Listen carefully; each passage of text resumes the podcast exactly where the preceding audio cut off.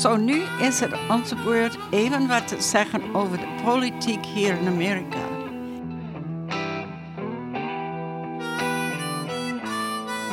Als je een goede republikein bent, dan zeg je anti-abortion.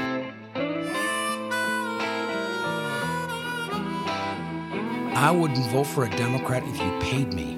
Because, like I said before, and I know this sounds harsh, that they're always on the wrong side of every issue.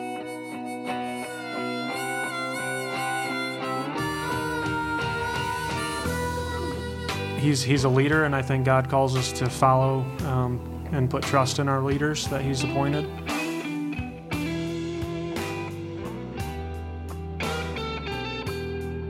He was very outspoken, very outspoken. You know exactly what he wanted. And I think that was admirable for a lot of our family.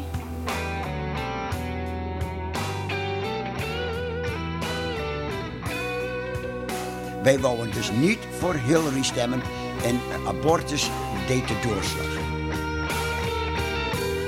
En we praten niet over politiek.